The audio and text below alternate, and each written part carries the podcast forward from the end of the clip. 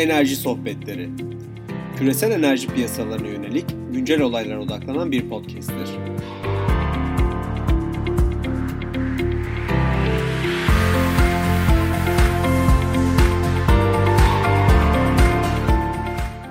Merhaba 27 Temmuz 2020 tarihinde karşımızda Fransa'dan e, Mehmet Öğütçü var. Mehmet Bey merhaba. Enerji Jeopolitiği 3. seride bu sefer çok önemli bir aktörü konuşacağız. O da Rusya. Buyurun. Evet yani e, dünyada jeopolitiğini incelemek istediğiniz en önemli ülke hangisi derseniz bence e, hiç kuşkusuz Amerika'nın yanı sıra ya da ondan daha önemli olarak Rusya'yı söylerim. Çünkü bakarsanız hani jeopolitik eğer jeolojiyle, e, coğrafyayla e, politikanın bir araya gelmesi ise e, kelime anlamı da o. E, biliyorsunuz e, Rusya dünyanın e, en büyük ülkesi toprak büyüklüğü bakımından. Evet. E, yani yaklaşık 16,5 milyon kilometre karelik bir alanı kaplıyor. Yani Tian Shan dağlarından Çin'le buluştuğu Sibirya'nın steplerine oradan Türkiye ve İran'la e, Azerbaycan, Ermenistan'la sınır paylaştığı Kafkaslara geliyor. Baltıklara çıkıyor, Arktik Denizi'ne. Oradan e, e, Kuzey Avrupa ile sınır paylaşıyor Karpat Dağları'nda. E, ve Vladivostok'a kadar, Japonya'ya kadar uzanan muazzam bir büyüklük. E, ama nüfusu tabii bu coğrafi büyüklüğe kıyasla çok fazla sayılmaz. 145 e, milyon insan yaşıyor ve dünyanın en hızlı yaşlanan özellikle erkeklerde ve erken yaşta e, ömrü dolan insanların yaşadığı bir ülke. E, bu ülke tarihi bakımdan da daha giderseniz eğer Çarlık dönemine e, özellikle en büyük stratejistleri olarak bilinen bizim deli onların büyük dediği Petro dönemine e, Çariçe Katerina dönemine e, Rus liderler her zaman jeopolitikayla içli dışlı olmuşlardır. Çünkü coğrafyaları bunu gerektiriyor. Çünkü menfaatleri bunu gerektiriyor. Çünkü sınır paylaştığı ülkeler e, Rusya'nın çok uyanık olmasını e, ve e, sürekli stratejiler geliştirmesini gerektiriyor. Bugüne gelecek olursak e, ne görüyoruz? Karşımızda son 20 yıldır e, iktidarda olan e, Vladimir Putin. E, Putin onun kişiliği de bence son derece önemli. Çünkü jeopolitikayı şekillendiren, e, ona yön veren insanlar e, özellikle Rusya'da hep güçlü liderler olarak gelmiş. Ne zaman e, liderlerin gücü azalmış, zafiyetleri ortaya çıkmış, Rusya zayıf kalmış. Hatırlayın e, Yeltsin döneminin son demlerine evet. Ruslar açısından tam bir e, yüz karasıydı. Ne yazık ki ben de diplomat olarak şahit oldum birçok kez. Uçaktan sarhoş halinde indirmeye çalış, çalıştık birkaç kez. E, ve arkasından e, Putin gibi hiç o zamana kadar bilinmemiş, duyulmamış, e, KGB'de alt düzeylerde Doğu Almanya'da görev yapmış e, bir kişiyi e, Rusya'nın tepesine getirdiler. Belki de derin devletin e, marifetiyle diyebiliriz buna. Çünkü biliyorlardı ki Rusya'nın dünya geopolitiğinde, e, dünya sisteminde e, hak ettiği yeri alabilmesi için çok güçlü bir lidere ihtiyaç var. E, Putin de KGB'den yetişmiş, e, çelik gibi sinirleri olan, stratejik düşünmeyi bilen, e, doktora e, tezini çoğumuz e, belki biliyordur ya da bilmiyordur ama e, e, St. Petersburg Üniversitesi'nde e, doğalgazın ulusal menfaatleri ilerletmede nasıl bir araç olarak kullanılabileceği üzerine yazmıştı. Hı hı. E, Putin. Dolayısıyla e, satranç oyununda e, enerjinin e, akıllı bir şekilde ulusal menfaatleri ilerletmede nasıl kullanılacağı konusunda mahir bir e, devlet adamı aynı zamanda. E, bu işi sadece e, Gazprom'a, Rosneft'e, e, Novatek'e e, bırakmıyor. E, direksiyonda kendisi doğrudan yer alıp e, uluslararası ilişkilerde enerjiyi nasıl kullanabileceğini çok iyi biliyor. Şimdi enerji deyince bakarsak eğer Rusya'ya gerçek anlamda bir e, dünya süper gücü.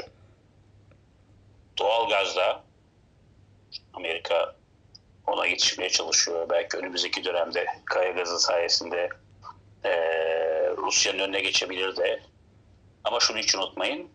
Rezervler bakımından e, ve e, maliyeti daha düşük e, koşullarda çıkartma bakımından hala istediği kadar daha büyük üreticisi olsun Amerika Rusya'nın yerini alamaz.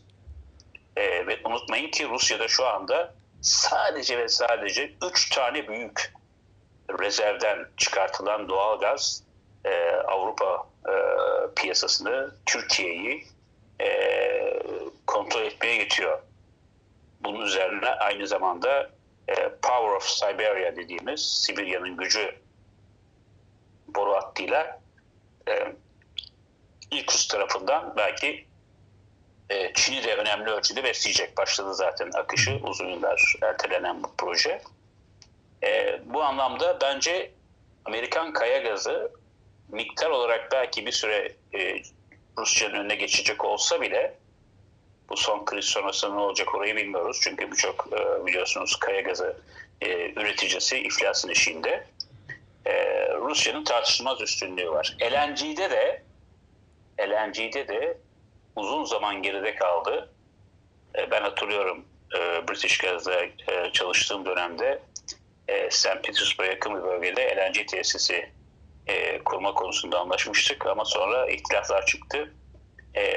Devam etmedi ama e, Japonya'ya ve Çin'e doğrudan LNG satabilecek Novatek üzerinden bir düzeyde geldi Rusya. Bunu da unutmamak lazım. E, petrol de aynı şekilde son derece önemli bir oyuncu. Aslına bakarsanız Rusya'nın gayri safi milli hasılasına en fazla katkı sağlayan sanılanın aksine doğal gaz değil petroldür. E, bunun yanı sıra e, biz de e, yaşadık, görüyoruz, daha da göreceğiz. E, Rosatom yani e, Rusların nükleer enerji şirketi Rosatom e, sadece Rusya'da değil dünyanın dört bir tarafında önemli projelere imza atıyor. Mersin Akkuyu, Suudiler, e, Mısırlılar, e, Kuzey Afrika'daki diğer ülkeler, Asya'da yeni müşteriler e, Rusya ile birlikte çalışma yönünde adımlar atıyorlar. Avrupa'da da Macaristan da biliyorsunuz böyle bir e, çalışmayı yürütüyor. Finlandiya ile yürütüyor. E, dolayısıyla e, biz hep petrol, doğalgaz konuşuyoruz ama nükleerde de Rusya e, Batı'nın daha önünde bir e, mevki kazan, mevzi kazanmaya başladı. Çin'le bu konuda rekabeti var. Kore ile bu konuda rekabeti var. Şimdi e, Rusya'nın enerji jeopolitiğinin e, temellerine baktığınız zaman belli işaretler görüyoruz. Bunları iyi anlarsak, bunların bize gösterdiği istikameti iyi kavrarsak aslında Türkiye-Rusya ilişkilerine ki daha sonra buna biraz daha derinliğe değineceğim, e, daha iyi anlamak mümkün olabilir. E, son dönemde özellikle bir isim çok ön planda. Bunu Türkiye'de de çok iyi biliyorlar. Alexander Dugin. Hı.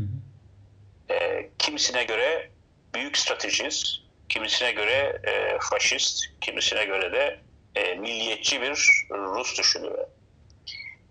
Gelmiş geçmiş Rus stratejistleri arasında e, bence çok önemli bir yere sahip. Çünkü kitabını bilmiyorum e, hiç dikkatinize geldi mi ama ben özenle okumaya çalıştım. E, The Foundations of Geopolitics The Geopolitical Future of Russia. Hı hı. E, jeopolitiğin temelleri. Rusya'nın gelecek jeopolitiği kitabı 1997'de yazdı. Ve e, o dönemden bu yana geçen 23 yılda e, Yeltsin'in son dönemi ve Putin'in tüm e, görev süresi boyunca e, atılan adımları eğer incelerseniz e, hem e, batıya yönelik hem Çin'e dönük hem Orta Doğu hem Türkiye, Azerbaycan, Ermenistan, Gürcistan e, hem Orta Avrupa e, hem Akdeniz konularındaki e, atılımların hepsinde e, onun izlerini bulmak mümkün. Temel hedeflerden bir tanesi e, ABD ile Avrupa'yı birbirinden e, mümkün olduğunca kopartmak, e, bir Alman, e, Fransız ekseni yaratmak, mümkünse NATO'yu zayıflatmak, e, aynı şekilde Kafkaslar'da Ermenistan ve İran ile bir eksen yaratmak ki bunu da e, başardığını biliyoruz.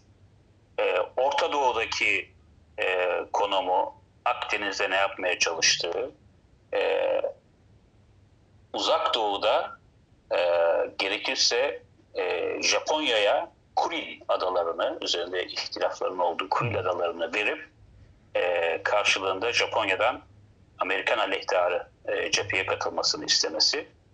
Bu arada Çin'in belli bölgelerine göz dikmesi, Moğolistan'ın Avrasya içerisinde yer aldığını söylemesi, Çin'in Vietnam hariç Güneydoğu Asya doğru genişlemesini desteklemek, e, bu sayede Sincan e, bölgesi, Tibet bölgesi e, gibi alanların Rusya'ya devredilmesini e, söylemesi. Yani bayağı e, kimimizce uçuk olarak nitelendirebilecek, kiminin vizyoner diyeceği e, bazı politika işaretleri var. E, ama ne istediğini bilen e, bir e, çizgi. Türkiye ile ilgili bölüm çok dikkatimi çekti. Ona Türkiye'de de sık sık atıfta bulunuyorlar. Belli e, yazarlar, düşünürler. Onu biliyorum. E, o konuda da bence kitabın bütünlüğünü anlamadan Türkiye ile söylediklerini çok e, e, ciddiye almamak lazım. E, çünkü Rusya'nın Türkiye bakışı tarih boyunca çok dostane olmamıştır biliyorsunuz. 13 kez savaştık. E, bunların neredeyse hepsinde e, yenilgiye uğradık. E, Yeşilköy'e kadar Rusların geldiğini biliyorsunuz. NATO'ya girişimizde de hem Boğazlar üzerinde kontrol kurması hem Doğu Karadeniz bölgesini kendisine katmak istemesinin Stalin döneminde etkisi olmuştur. Bugün de Türkiye ile ilişkilerde e, yeri geldiği için söylüyorum. Daha önce belki daha sonra daha da üzerinde duracağız. E, Türkiye ile ilişkilerinde Putin son derece soğukkanlı bir çizgi izlemektedir.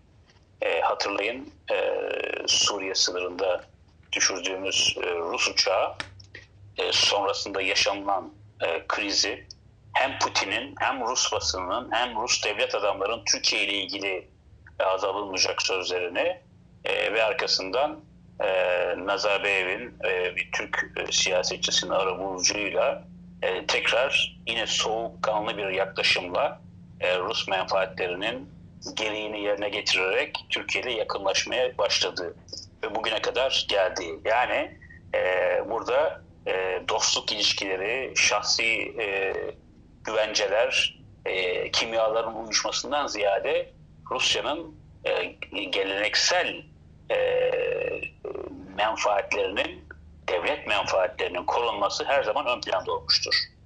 Bahsetmiştim, e, temel hedeflerden bir tanesi Atlantik'te Avrupa ile ABD'nin arasını aşmak, NATO'yu zayıflatmak ise diğer hedeflerden birisi de her bir ilişkiyi kendi içerisinde değerlendirip sorunları ayrı ayrı e, çözme yoluna gitmektedir.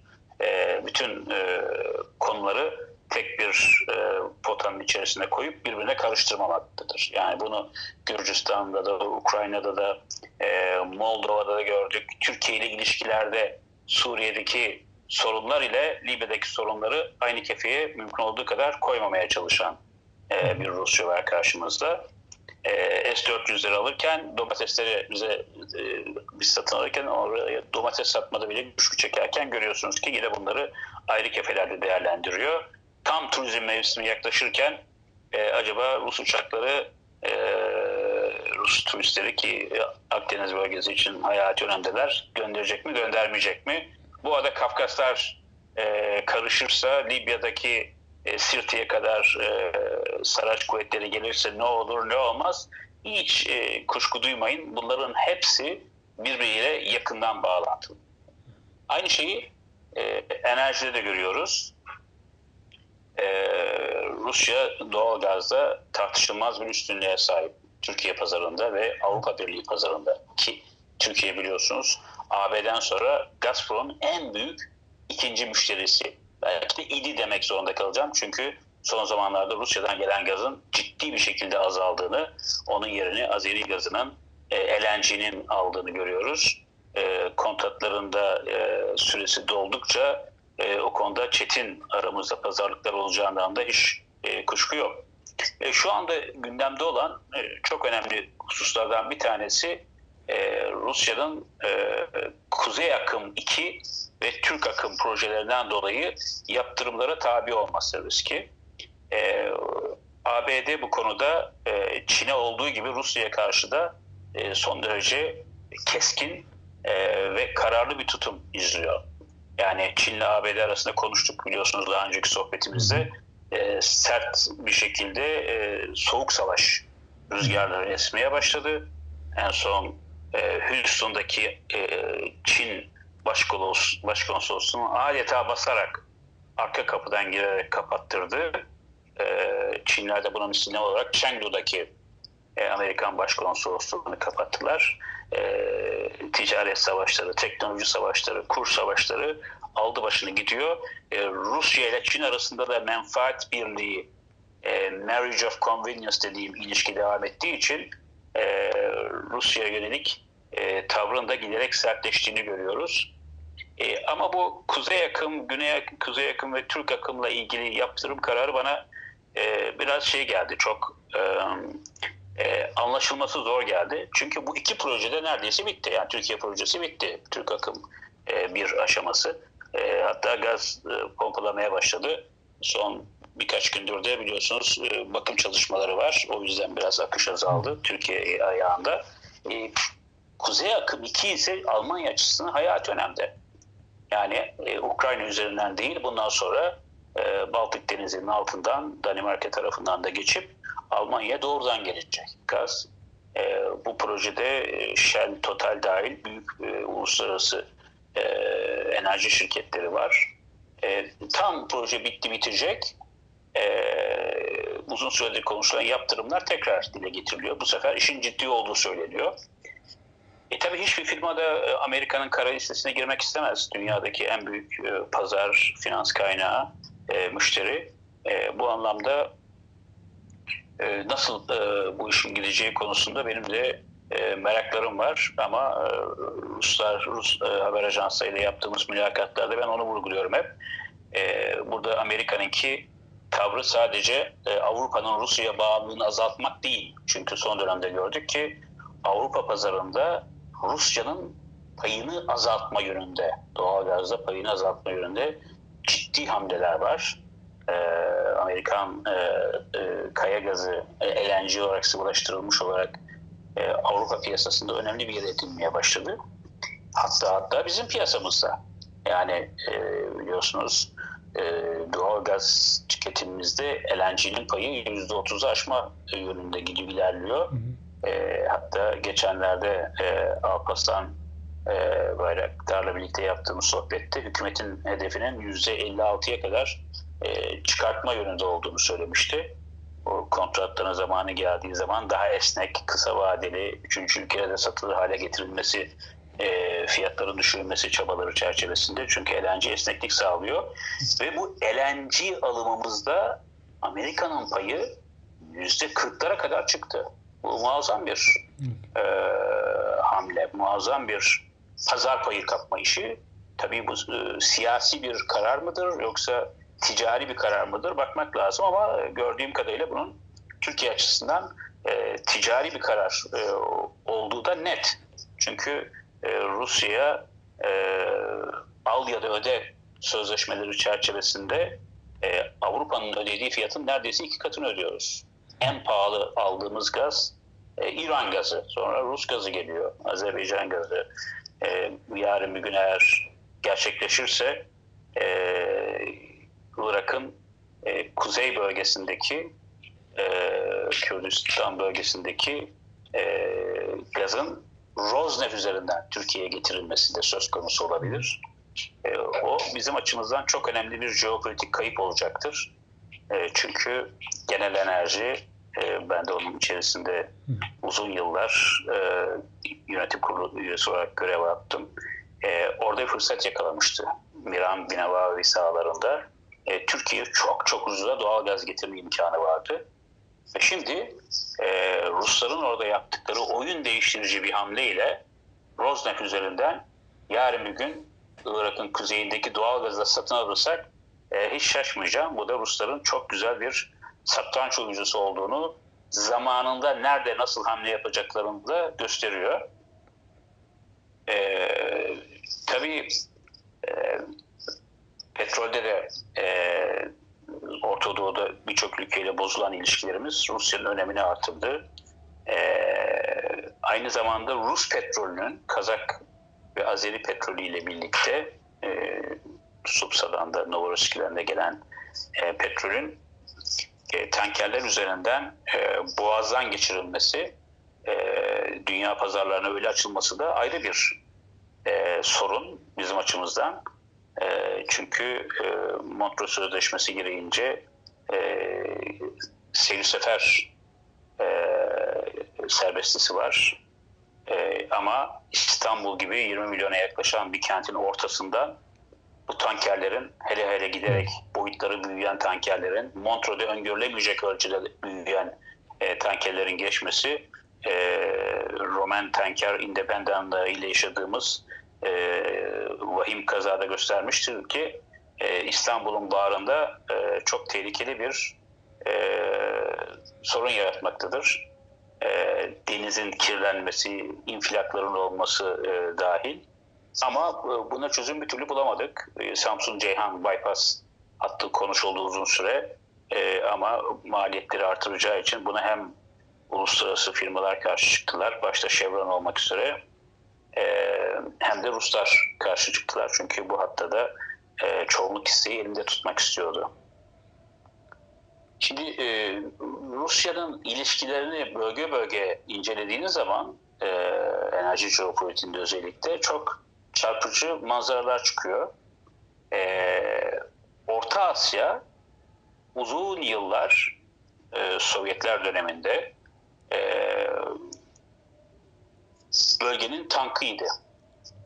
E, yani Kazakistan'dan, Türkmenistan'dan, e, Özbekistan'dan çıkan doğalgaz, petrol e, 3 kuruş fiyatla e, Druzba e, petrol ve doğalgaz boru hatlarıyla e, Rusya'ya getiriliyordu. Burada temizleniyor. Özellikle yüksek sülfür olan e, gaz, e, kazak gazı hemen sınırda e, bir e, tesiste temizleniyor ve e, alınan fiyatın belki de 8-10 katına Avrupa'ya satılıyordu. E, ama Sovyetler çöktükten sonra bu ülkeler bağımsızlığını e, kazanmasını e, müteakip, müteakip e, tabii ki e, onlarda da ciddi bir kaynak milliyetçiliği e, ortaya çıktı haklı olarak ve başta Türkmenistan olmak üzere eskiden her bin metrekübünü 30 dolara sattığı e, gazın fiyatını e, ben British Gaz'dayken bizim orada Karaçakanak sahası var Kazakistan'da. E, onu e, boru hatlarıyla e, Rus sınırındaki bir e, işleme tesisine götürüp temizletiyorduk. Sonra Ruslara satıyorduk. Ama esas parayı petrolden e, kazanıyorduk. E, gaz ise e, sadece e, elden çıkartmamız gereken bir e, kaynak gibi gözüküyordu. Ve dediğim gibi fiyatlar e, 30-40 doları geçmiyordu bin metreküp başına. E, bu gaz o dönemde e, Almanya'ya e, 250 dolardan satılıyordu. E, yani muazzam bir e, kaynak e, sömürüsü yaşanıyordu. E, sonra tabii bu ülkeler ile aralarında ciddi sorunlar çıktı. Başta Türkmenistan olmak üzere kesti. E, bir dönem 55-60 milyar metreküp satarken Rusya'ya e, 7-8 milyar metreküpe kadar düştü bu. Bunda tabii e, özellikle de Türkmenistan'ın e, Çin ile e, bağlantısı önemli rol oynadı.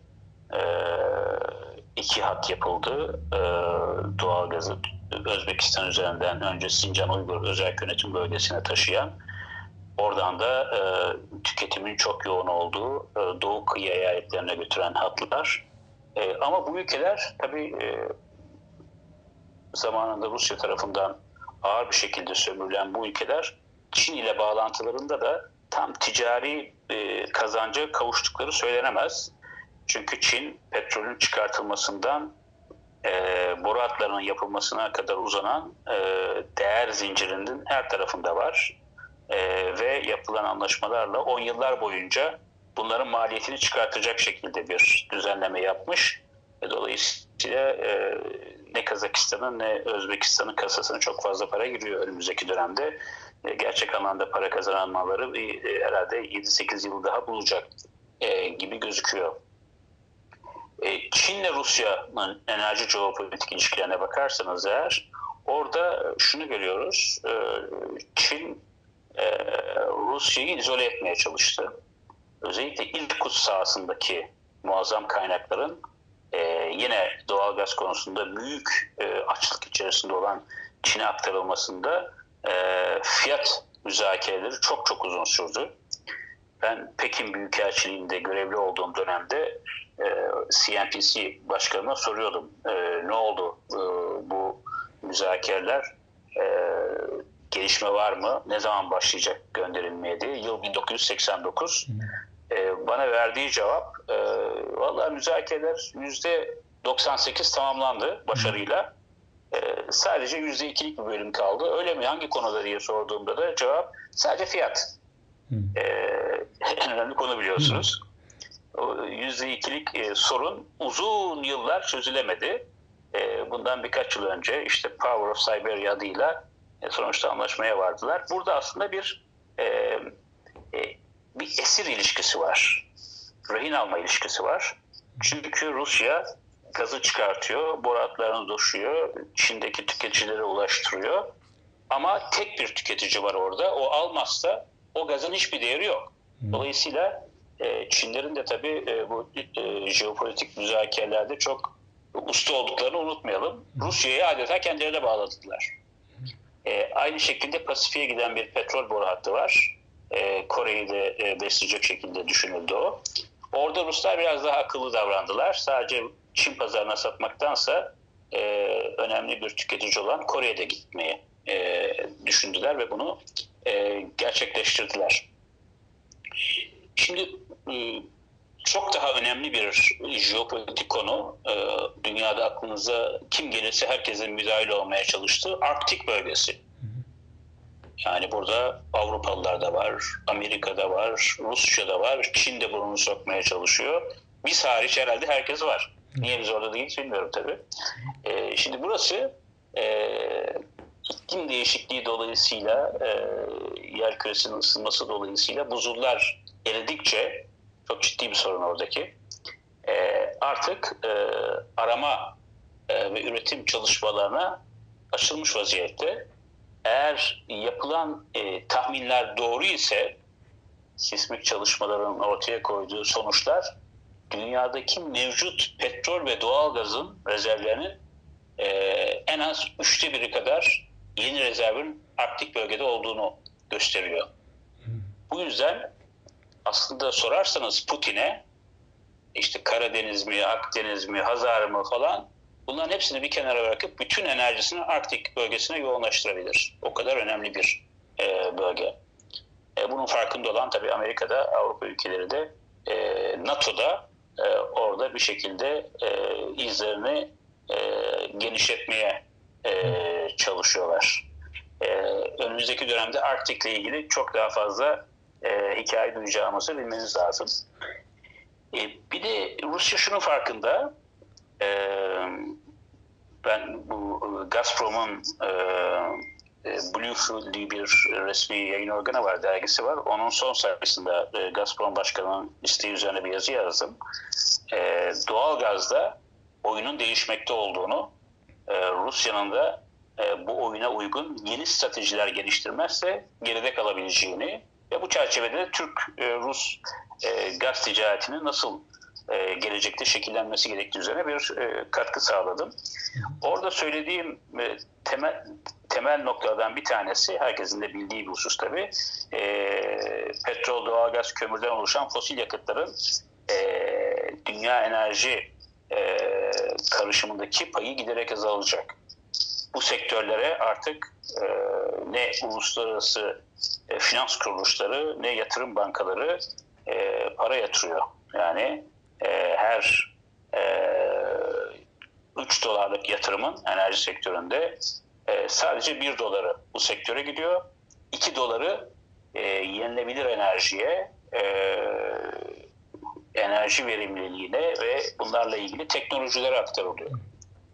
Dolayısıyla Rusya'nın da şunu görmesi gerekiyor ki görüyordur eminim. Avrupa'da en büyük müşterisi Almanya. Almanya'da yenilebilir elektrik üretiminde artık e, fosil yakıtları geçti. E, hatta nükleer bile e, yavaş yavaş phase out olma aşamasında. E, aynı trendi e, diğer Avrupa Birliği ülkelerinde de göreceğiz. Çin zaten yenilebilirde dünya lideri. E, Türkiye'ye bakarsanız Türkiye'nin elektrik üretiminde de yenilebilirin ve yerli enerjinin e, payı hızla artıyor ve bununla övünüyoruz, gurur duyuyoruz. E, böyle bir dünyada e, Rusya ki ekonomisi e, tamamen enerji ve doğal kaynaklara endekslenmiş vaziyette. Sizin hiç aklınıza geliyor mu? E, herhangi bir Rus firması e, Apple'la e, baş edebilecek e, ya da dünyadaki e, diğer e, bütün tüketim kanallarına girebilmiş bir Rus markası. Rus markası dediğiniz zaman ilk aklınıza Gazprom geliyor, Rosneft geliyor, Rosatom geliyor ve silah şirketleri geliyor. Dünya silah ticaretinde önemli yere sahipler. Ama onun dışında e, Rusya'nın söz sahibi olduğu e, dünyadaki e, genel tüketicilere hitap eden bir ürün yok. Bu itibarla e, Rus ekonomisi e, yaptırımlara karşı son derece duyarlı. Ama e, hem ham madde hem aramalı hem de bu enerji e, bağlantılı e, kaynaklarını satmakta güçlük çektikçe onlar yeni teknolojilerle yer değiştirdikçe e, Rusya'nın sıkıntıları artacak. Ve e, bugünkü Rusya'da e, baktığınız zaman oligark dediğimiz milyar, milyarlarca dolara hükmeden insanlara da baktığınız zaman hala hiçbirisinin öyle yeni teknolojilerle e, yapay zeka ile biyoteknolojiyle alakası olduğunu görmüyoruz. Zamanında Ruslar e, biliyorsunuz uzay teknolojisinde de ABD ile yarışan tek ülkeydi. E, Çin e, Amerika'yı bile geçti bırakın Rusya'yı. E, o alanda yeterli bir e, ilerleme sağlanamadı. E, ve diğer şirketleri de e, Gazprom olsun, Rosatom olsun, e, silah şirketleri olsun e, çoğu e, hantal kaldı. Yeterince e, dünyadaki dinamiklere uyamadı. Böyle giderse şu korku da var. Felaket senaryoları yazanların kaleminden. Bir Rusya kendi içindeki o özel cumhuriyetler bölünebilir. İçlerinde biliyorsunuz Türk asıllı özel cumhuriyetler de var. E, ya da Kafkaslardaki işte Çeçenlerden tutun Çerkezlere, e, Tatarlara e, ve e, Sibirya'daki Yakutlara kadar uzanan e, muazzam coğrafyada e, Amerika'nın kaşımak istediği Çin'de yaptığı gibi, Çin'de biliyorsunuz Uygurlarla Tibet'te bunu yapmaya çalışıyor. E, bir takım yumuşak karınlar var. E, nüfus giderek azalıyor. Böylesine büyük bir coğrafya, e, biraz önce e, konuştuk, e, yaklaşık 16,5 milyon kilometre kare Türkiye'nin 780 e, bin e, kilometre kare olduğunu düşünürseniz kaç katımız olduğunu tahmin edebilirsiniz. Zaten haritaya baktığınız zaman da gözüküyor bu. Ve burada e, 145 milyon insan yaşıyor. E, yani bizim iki katımız kadar bile değil. E, dolayısıyla e, geleceğe dönük senaryolarda Rusya'nın bu büyük toprak e, top, e, güzel çünkü büyük olan alanı koruyamayabileceği, yeterince nüfusunda olmayacağı zaten nitekim bakarsanız eğer Çin-Rusya ilişkilerine en büyük gergini kaynaklarından bir tanesi de Rus Sibiryası, Rus uzak doğusunda yasa dışı Çinli nüfusun sayısı e, süratle artıyor. Çin buradaki kaynaklara göz koymuş vaziyette. Zaman gelecek ki bu ilişkiler eğer gerginleşirse ki ben e, böyle bir gerginliğin yaşanacağına inanıyorum. Görünür gelecekte değil ama e, stratejist e, olarak bakarsanız eğer e, 20-25 yıl sonrasında e, Rusya ile Çin arasındaki menfaatlerin e, yavaş yavaş ayrışmaya başlayacağını, şu anda Batı düşmanlığı ortak bir payda oluşturuyor. Ama e, Orta Asya'da e, Rusya'nın near abroad, yakın e, e, komşu e, diyebileceğimiz, arka bahçe diyebileceğimiz alanında e, Çin kuşak yol projesiyle, e, yumuşak kredilerle, elverişli koşullarla e, Rusya'nın üstünlüğü çoktan kırdı. E, yarın bir gün eğer e, Sibirya'daki e, Rus uzak doğusundaki seyrek nüfusu, gerçekten nüfus orada çok seyrek. E, ben o meşhur e, Trans-Sibirya trenine bindim e, Pekin'den. E, Moskova'ya kadar geldim. E, gördüğünüz e, tek canlı işte tilkiler, e, kurtlar, e, muazzam bir site. Kimse yaşamıyor adeta. E, saatlerce gidiyorsunuz, bir canlıya rastlamıyorsunuz. O bölge e, terk edilmiş hale gelmiş bir bölge gibi gözüküyor ve önümüzdeki dönemde e, Çin'in e, iştahını kabartıyor. E, bunu da söylemek lazım. E, Avrupa ile ilişkilere geldiğiniz zaman e, işte doğal gaz ticareti devam ediyor. Ukrayna ile e, ilişkileri kopartmıştı biliyorsunuz Rusya ama Avrupa Birliği'nin ısrarı üzerine yeniden bir beş yıllık anlaşma imzaladılar. E, ve Ukrayna şaşılacak süratte Rusya'ya kendi tüketimindeki Rusya bağımlılığını e, çok düşük düzeylere indirdi. E, halen transit görevini görüyor. E, ama Avrupa Birliği içerisindeki e, bazı ülkeler e, başta Polonya olmak üzere, Baltık ülkeleri olmak üzere e, Rusya'ya karşı hiç güven duymayan ve e, 200 Dünya Savaşı sırasında işgale uğrayan e, bunun acısını henüz unutmamış ülkeler Rusya'nın e, enerjide olsun, diğer e, alanlarda olsun artan nüfuzundan çok büyük rahatsızlık duyuyorlar. Ve bunu engellemeye çalışıyorlar AB içerisinde. Ama öte yandan bakıyorsunuz Macaristan'la çok yakın ilişkisi var. Çünkü Macarlar Avrupa içerisinde bir Avrupalı olarak tanınmadılar. Hatta oradaki e, büyükelçimiz beni birisiyle tanıştırdı. E, çok şaşırmıştım. Bu dedi e, Macarların e, en ateşli Turancısı. E, çünkü e, Macarların e, kökeninde Hunların olduğu Orta Asya'dan geldikleri e, biliyorsunuz tarihi bir şey var, e, teori var. E, ve Avrupa'da hiç kabul edilmemişler e, Avrupalı olarak. Onun için Rusya ile çok yakınlar. E, Sırbistan malum zaten. E, zaten Rusya'nın amaçlarından bir tanesi de e, işte e, Slav, e, Boşnaklar, Sırbistan e, ve e, bölge Romanya, Bulgaristan gibi yine Ortodoks e, çizgisini izleyen ülkelerle Yunanistan'ı da gerekirse dahil edip e, bir eksen oluşturmaya çalışıyor Güneydoğu Avrupa'da. Bu Türkiye açısından da tabii son derece önemli bir husustur. E, Ukrayna'nın bağımsız bir devlet olmasına gerek olmadığını düşünüyor birçok Rus. Eminim en tepede liderler de e, aynı düşüncededir. Bu tabii Ukraynalıları çileden çıkartıyor. Şu anda ülkenin doğusu işgal edilmiş vaziyette. E, ama Ruslara sorarsanız e, hem coğrafya bakımından hem siyasi bakımdan hem ekonomik olarak böyle bir ülkeye ihtiyaç olmadığı e, tezi güçlü. Tabii bu Polonya'yı da Almanya'yı da çok e, kaygılandırıyor e, ileride. E, bu e, iştah kabartıcı niyetler saldırganlığa dönüşür mü e, kaygısı var. Karadeniz'de Kırım'ı işgal ederek çok önemli bir mevzi kazandı. Ukrayna'nın elinden Kırım'ı aldı. Buna çok fazla tepki de olmadı. Şaşırtıcıdır. Zaten tarih olarak Kırım e, Rusya'nındır.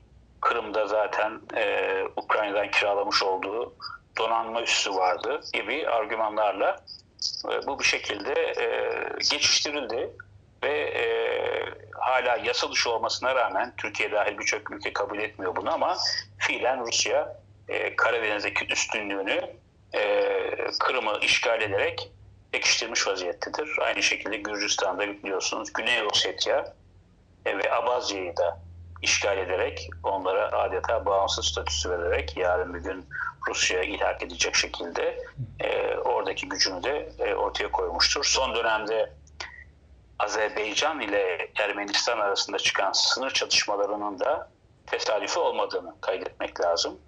Yani e, Suriye'de, Libya'da olup bitenler, e, Türkiye ile ilişkilerdeki gerginlik e, ve e, öyle bir bölgede ki Nagorno-Karabağ'ın olduğu alanda değil, e, Türkiye ile Azerbaycan arasındaki e, hem doğalgaz hem petrol boratlarının çok yakınındaki ve Çin'in de müdahil olduğu e, o meşhur İpek e, tren yolunun e, geçtiği biliyorsunuz Azerbaycan, Gürcistan, Türkiye olarak gidiyor bu. O bölgenin hemen yanı başındaki kasabada e, Ermeni topçu ateşiyle, ağır topçu ateşiyle başlamış bir çatışma. E, sittin senedir biliyorsunuz bu e, Ermeni e, Azeri e, uyuşmazlığı çözümlenemiyor. Ermenistan Azerbaycan'ın topraklarının yüzde yirmisini işgali altında tutuyor. E, uluslararası hukuk bakımından, uluslararası camia bakımından e, Yukarı Karabağ dediğimiz Nagorno Karabağ Azeri toprağı, Laçin koridoru açılamadı. E, bunu şöyle de görmemiz lazım.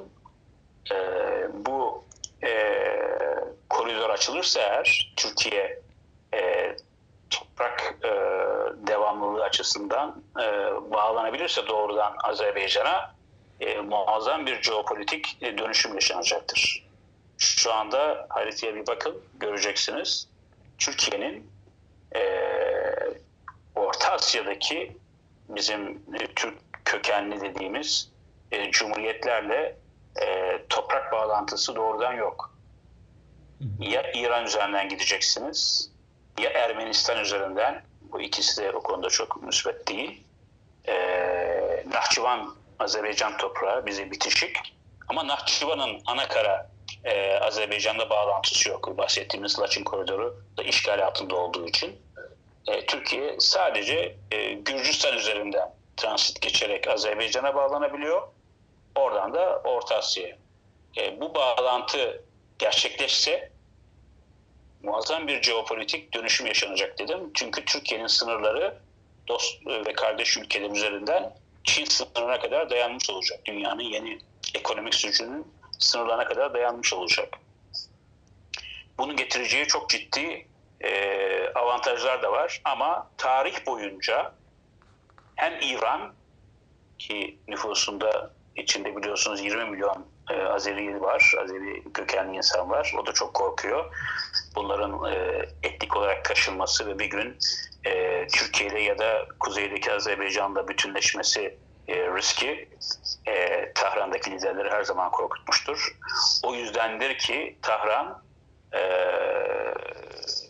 hem 20 milyon insanın akrabası olan Azerbaycan hem de din bakımından da e, Şii biliyorsunuz iki tarafta. Buna rağmen Ermenistan desteklemiştir yıllar boyunca. Rusya da aynı şekilde e, şu anda e, Türkiye-Ermenistan sınırını Ruslar korumaktadır. Yani Türkiye'nin müdahil olması zor bir iş değil aslında Ermenistan-Azerbaycan e, ihtilafına. Hele hele bu son krizde Türkiye Azerbaycanlı kardeşlerinin arkasında olduğunu defaatle söylemiştir. Ama bir gerçek var ki orada e, ki Rus mevcudiyetinin e, zayıflatılması, ona meydan okunması iki ülke arasında çok ciddi sonuçlar doğurur.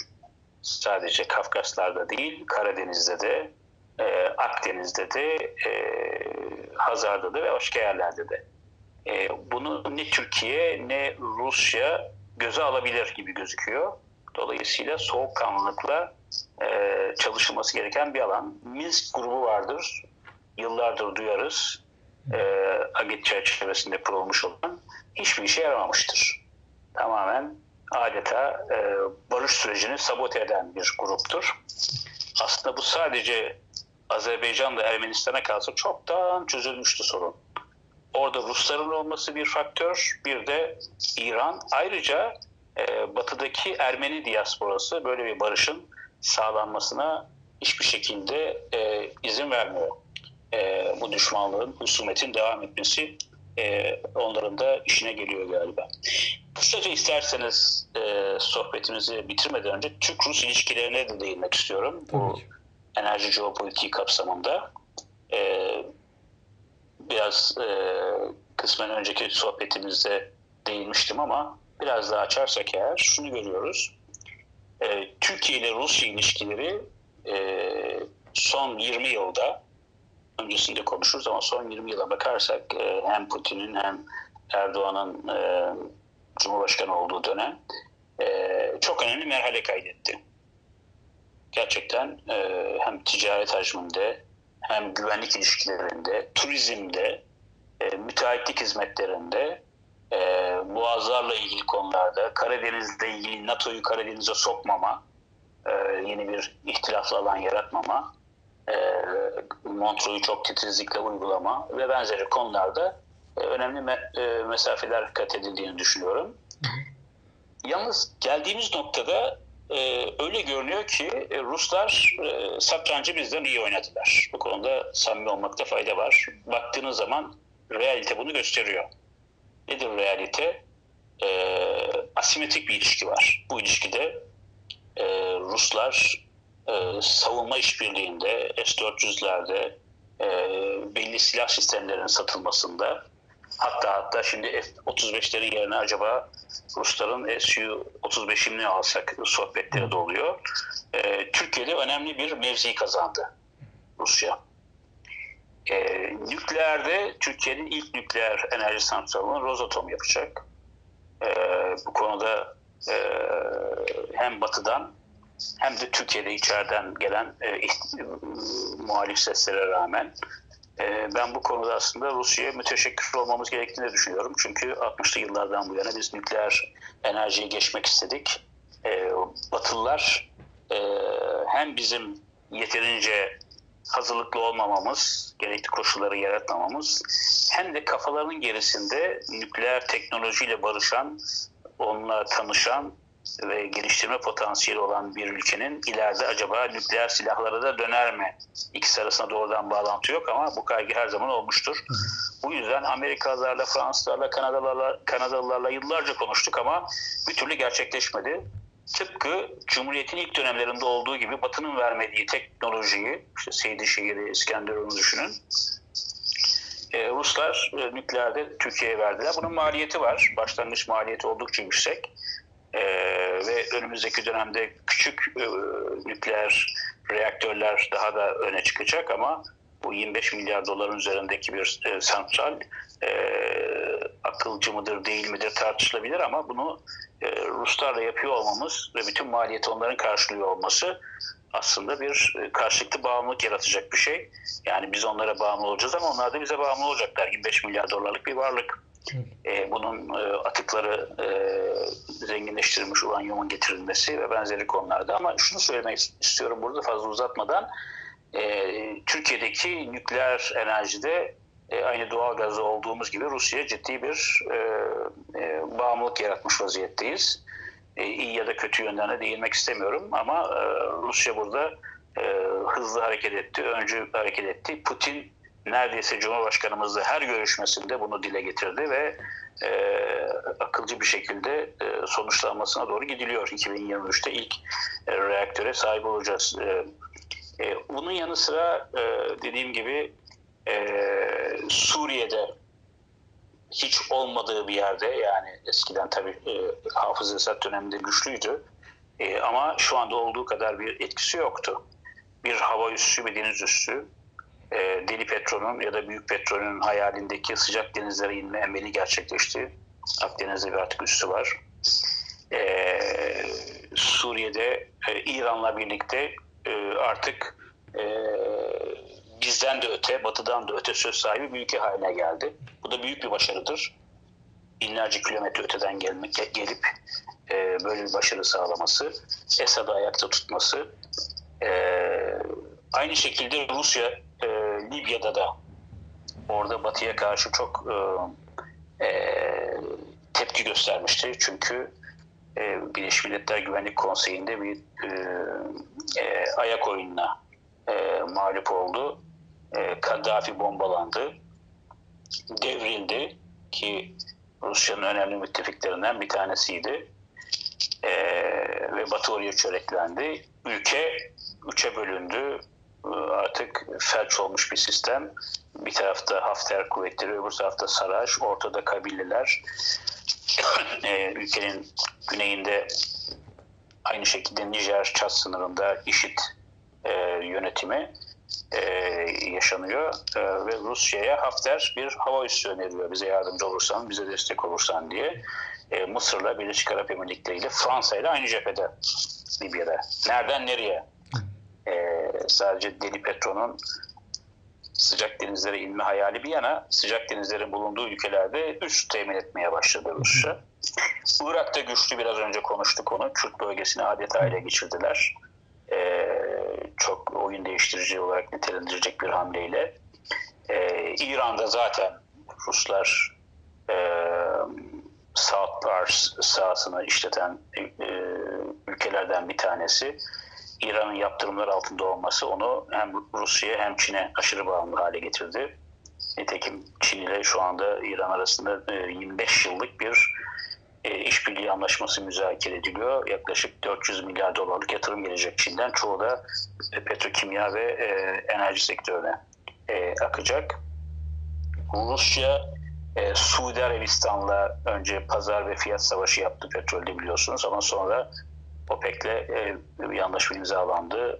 9.8 milyon varil üretim kısıtlaması. Bu düşürüldü şimdi biraz. Yani dünya petrol piyasasını belirlemede Suudi Arabistan'la birlikte öncü rol oynayan bir ülke e, konumuna geldi. Kızıldeniz'de, Körfez'de, Afrika'da, e, Asya'da nereye dönerseniz e, Rusya'nın e, belki de gücünün ötesinde e, bir e, nüfuza sahip olduğunu görüyoruz.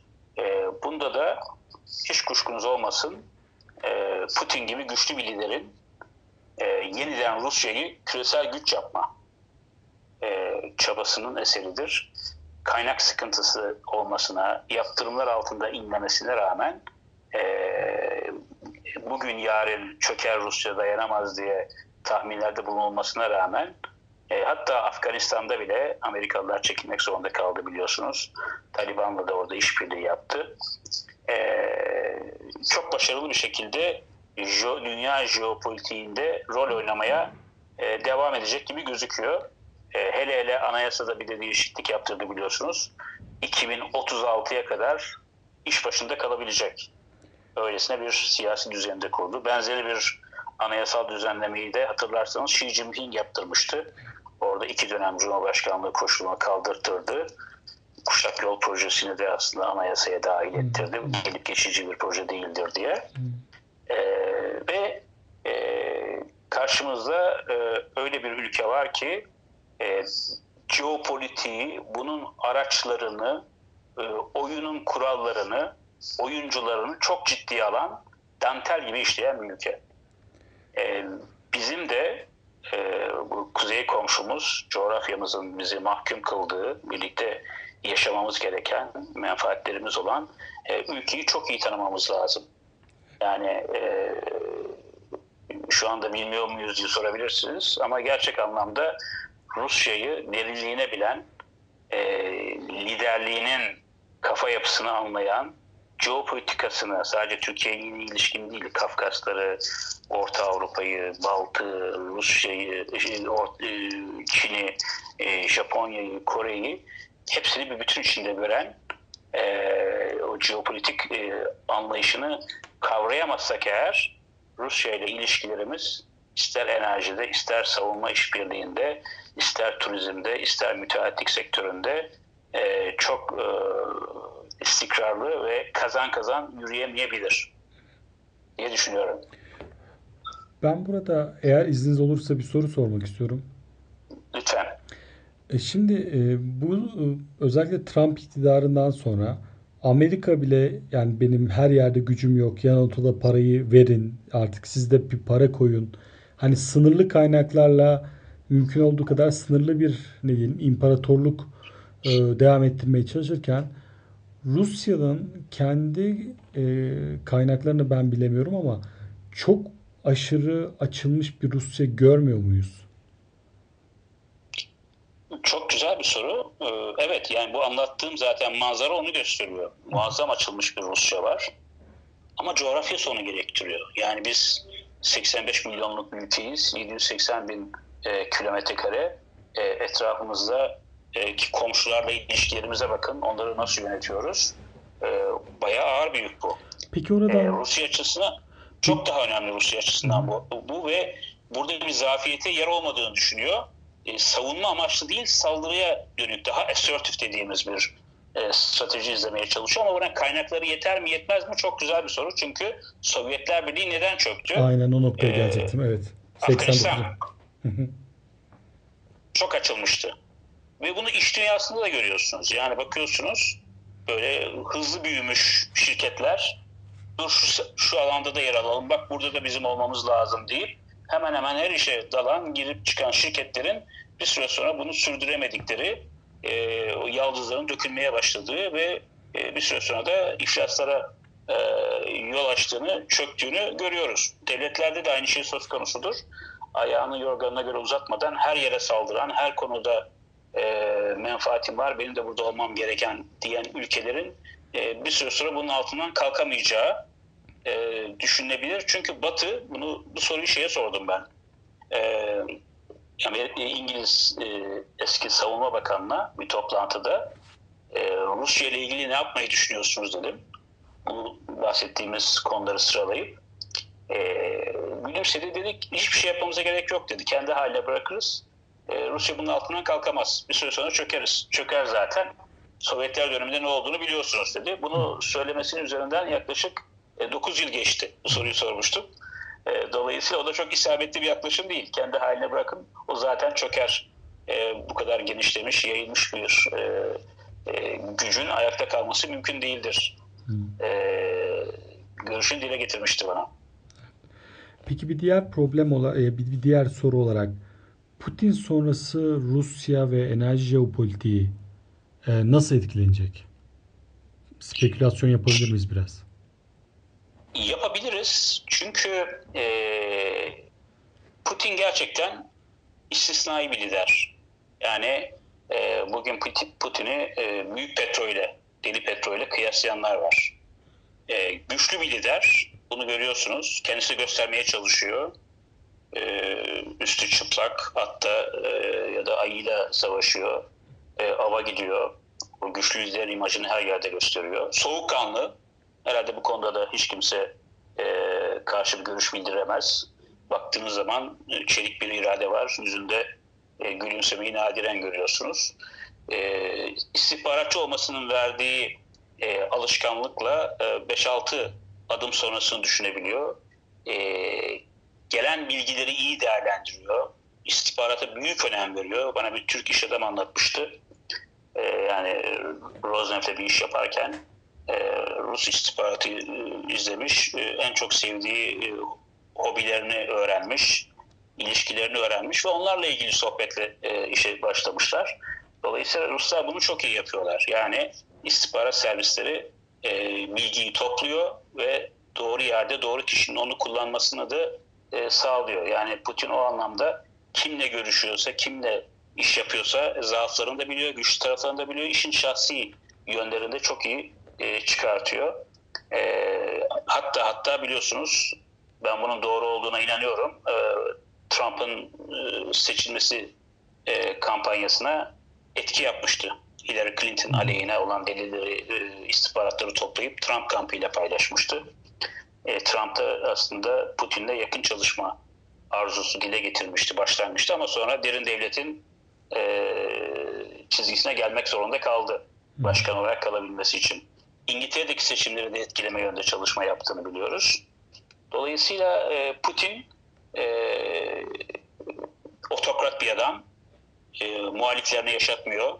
Londra'da bile olursa buluyor, zehirletiyor. E, o korkuyu salıyor. Ama halk nezdinde popülaritesi hala yüksek. Çünkü e, 20 yıl geçmesine rağmen ve halkın refah seviyesi çok fazla artmamasına rağmen o Rusya'yı bir dünya devleti haline getirdiğini görüyor halk. Çünkü öncesini biliyorlar. Bizim de yaşadığımız bahsettiğim e, Yeltsin'le, Boris Yeltsin e, döneminde Rusya en kötü çizgideydi. Dolayısıyla yarın bir gün Putin'in başına bir iş gelirse ya da e, herhangi bir şekilde iktidardan ayrılırsa e, Rusya'da onun çapında bir lider gelir mi gelmez mi e, biraz tartışmalı. Şu anda bakarsanız manzaraya ben e, Kremlinok değilim ama izlemeye çalışıyorum elimden geldiği kadar. E, onun çapında e, bir kişi gözükmüyor. Zaten o çaptaki liderler de genellikle çok ikinci adam bulundurmazlar. E, ondan sonra gelen 5. 6. sıradadır. E, biliyorsunuz e, eski Gazprom Başbak e, Başkanı başbakan yapmıştı. E, sonra Cumhurbaşkanı yaptı. Kendisi başkanlığa, e, başbakanlığa geçti. Anayasaya uymak için. Ama her defasında biliyorduk ki e, esas güç e, Putin'di. E, o yüzden sorunuzun cevabı e, Putin sonrasında o denli karizmatik, o denli güçlü, o denli e, iyi bir e, stratejist gelmezse Rusya'nın başına e, bu e, büyük makineyi çevirmesi Rusya'nın çok zor olacak. Peki burada son olarak da emtia fiyatlarından belki dem vurmak lazım. Bu düşük emtia fiyatları ki bu fiyatlar görüldüğü kadarıyla 10 milyon varil bölü günde dünyada fazla var. Artı hani İran ambargolar şunlar bunlar hepsini arka arkaya koyduğumuzda. Ve gaz fiyatları da düşük. Yani aslında tüm gelirler düşük. Peki e, Rusya'nın nefesini kesecek kadar düşük mü? Ee, değil. Yani e, Suudi Arabistan'a kıyasla çok daha iyi durumda. Amerika'ya kıyasla çok daha iyi durumda Rusya. E, çıkartma maliyeti özellikle gazda çok düşük. Petrolde biraz daha yüksek. E, ama Rusya'nın elinde e, döviz rezervleri var. Yastık. Onu daha bir süre götürebilir. E, 40 dolarlar tabii Rusya için iyi değil. Hesaplarını 68-70 dolara göre yapmışlardı bütçeyi denkleştirmek için. Ama Rusya biliyorsunuz dışa bağımlı bir ülke değil. Yani ithalatı son derece hesaplı. Dışarıdan nelerin geldiği son derece hesaplı. Ee, kendi kendine yeten bir ülke. E, böylesi büyük bir coğrafya biliyorsunuz tarımda, e, sanayide, ithal ikameci politikalar İran'da öyle geliştirdiler. E, bu itibarla e, körfez ülkeleri gibi değiller. Yani dışarıdan para akışı durduğu anda ya da azaldığı anda ekonomi çöker diye bir durum. Elbette güçlük var. E, dediğim gibi özellikle petrol fiyatlarındaki düşüş çok çok ciddi etkiledi e, Rusya'yı. Ama ekonominin çökeceğine, e, kaldırılamayacak bir e, e, gücün altında kaldıklarına inanmıyorum. Ve önümüzdeki dönemde zaten kimse e, 2021 sonuna kadar e, 50-60 bandın üzerine çıkmasını beklemiyor. O eski 80-90 dolarları bulmayacak petrol fiyatları. E, bir de zaten size daha önce söylemiş olduğum gibi artık fosil yakıtların e, miadı hala fosil yakıt var. İstediğiniz kadar çıkartabilirsiniz. Doğru fiyattan bulursanız. E, ama e, kullanımı azalacak. E, özellikle ulaşım sektöründe elektrikli araçlar hidrojen devreye girmeye başlıyor. Bunlar ekonomik olarak da e, daha e, cazip hale geldikçe e, petrolün doğalgazın kullanımı azalacak. Türkiye'ye bakın. Yani Türkiye piyasasının neredeyse yarısı Rusya'nın elindeydi doğalgazda. E, şu anda gelinen nokta e, çok şaşırtıcı. Çok kısa sürede e, doğalgazın elektrik üretimindeki payı azaldı. E, ve 48-50 milyar dolarlar 48-50 milyar metreküplerdeyiz son 3-4 yıldır. E, tahmin edildiği gibi öyle 70-80 milyar metreküplere doğru çıkmadı e, tüketim. Dolayısıyla Rusya'nın bunu dikkate alması lazım. Yani yap, yapılan tartışmalarda hep bunun üzerine. Ekonominin çeşitlendirilmesi lazım. Aşırı ölçüde e, kaynaklara dayalı bir ekonomi e, ve kaynak fiyatlarında volatilite olduğu zaman, iniş çıkışlar olduğu zaman da e, tabii ekonomiyi ciddi şekilde etkiliyor. Ama Putin şunu da görüyor ki bir de oligarkların elinde milyarlarca dolar var. Çok sıkıştığı zaman ekonomi e, onları çağırıyor e, ayağına ve e, bir kısmının e, varlıklarını azaltma yoluna da gidebiliyor. Böyle bir yol, yöntem de izliyor. Mehmet Bey çok teşekkürler. Gene çok faydalı oldu. Eklemek istediğiniz bir şey var mı? Evet yani uzun e, çok uzun konuştuk. Biraz da belki dağınık konuştuk ama Rusya tabii çok şey. e, Bence derli bir topluydu. geniş bir e, konu. E, konuş konuş bitmez. E, e, tek bir tavsiyem var. E, özellikle enerji konusunda çalışan arkadaşlara. E, Rusya'yı çok yakından izleyenler de var. Bunu da biliyorum. Ama ne olur Rusya'yı çok boyutlu e, ve çok disiplinli e, bir şekilde e, inceleyin. E, çünkü Türkiye açısından yaşamsal önemli bir ülke. Hem güvenliğimiz açısından hem ekonomimiz açısından hem dünya sistemindeki konumumuzu belirleme bakımından çok çok önemli bir ülke. E, Rusya ile her zaman e, dost ve ortak kalmak zorundayız. Ama burada tabii ilişkiyi kazan kazan temeline oturtturmak, onun kalıcılığı sürdürülebilir olması açısından da son derece önemli. E, bu konuda e, hepimize büyük e, roller düşüyor. E, onun için bu konuyu konuşmaya, tartışmaya devam edelim. E, bizi dinleyen arkadaşlar ne zaman isterlerse sizinle de benimle de temas kurup e, bu konuda fikir jimnastiğine devam etsinler. Yaptıkları çalışmaları da biz her zaman dışarıdan destekleriz. Peki e, kapatırken son bir soru soracağım. E, Çince mi. Rusça mı öğrenelim? Ah, evet, e, şimdi Çince öğrenirseniz tabii dünyadaki her beş kişiden birisiyle e, iletişim kurma imkanınız olacak. Ama e, 3200 kilometre ötede bir ülke bu. Dünya etlerini etkileyecek bunu biliyoruz. E, Rusya ise hemen yanı başımızda. E, gerçekten zor e, bir soru. E, ben Çince öğrendim. Eğer söylemek gerekirse yıllardır onu da kullanıyorum çok işime de yarıyor. Ee, ama Rusçanı, Rusçayı bilmiyor olmak da aslında benim için büyük bir dezavantaj yaptığım iş itibarıyla. Hı hı. Keşke ikisini birden öğrenebilsek ama eğer tercih yapacak olursanız e, e, Çince öğrenin derim. Okey. Çok teşekkürler Mehmet Bey. Çok sağ olun. Ben teşekkür ediyorum Barış. Bu sohbetleri devam ettirdiğin Haftaya devam haftaya, Ee, haftaya tekrar buluşmak üzere o zaman. Evet, dinlediğiniz için teşekkür ederim. Enerji sohbetlerini Anchor, Spotify, Apple ve Google platformlarından takip edebilirsiniz. Web sitem üzerinden de iletişime geçebilirsiniz. Bir sonraki bölümde görüşmek dileğiyle. Hoşçakalın.